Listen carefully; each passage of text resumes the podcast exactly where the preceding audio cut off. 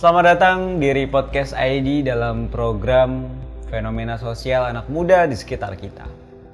Dalam program ini kita akan membahas sedikit fenomena orang-orang yang suka foya-foya. Bersama saya Dimas Api Mahdian, mari kita bahas materi ini. Saat ini kita dibanjiri oleh konten-konten yang menunjukkan kemewahan yang bersifat foya-foya di media sosial. Sekarang pertanyaannya, apakah mereka yang menunjukkan berfoya-foya itu merasakan bahagia seperti yang tergambar di media sosial tersebut? Philip Brickman dan Donald T. Campbell menciptakan istilah dalam esai mereka Hedonic Relativism and Planning the Good Society tahun 1971 menjelaskan mengenai teori hedonic treadmill Teori ini menunjukkan bahwa kekayaan tidak meningkatkan tingkat kebahagiaan. Secara sederhana, teori digambarkan ketika kita lapar, kita makan nasi sehingga kita bahagia. Lalu, selanjutnya kita makan nasi lagi walau sudah kenyang, maka bukan kebahagiaan, tapi kita malah akan merasa begah dan mual. Sehingga Kekayaan pada awalnya akan membuat kita bahagia, namun ketika kita sudah memiliki kekayaan tersebut cukup lama, kekayaan tersebut tidak akan membuat kita bahagia lagi.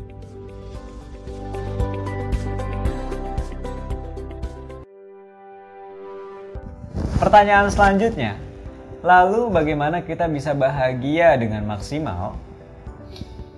Kebahagiaan maksimal bisa kita raih dengan tiga kondisi. Yang pertama, kebutuhan dan keinginan kita mampu dipenuhi. Yang kedua, lingkungan kita mendukung kita untuk menikmati kebutuhan dan keinginan kita. Tentu, kita tidak akan merasa nikmat makan ketika ada orang yang sekarat karena kelaparan duduk di samping kita. Yang ketiga adalah bersyukur atas hal-hal yang kita dapatkan. Dari penjelasan di atas, maka kita tidak akan bahagia jika kita menghabiskan uang dengan berfoya-foya demi diri kita sendiri. Kita harus peduli dengan orang lain agar kita bisa merasakan kebahagiaan. Kebahagiaan tidak akan datang sepenuhnya ketika kita bahagia, sementara orang lain itu menderita.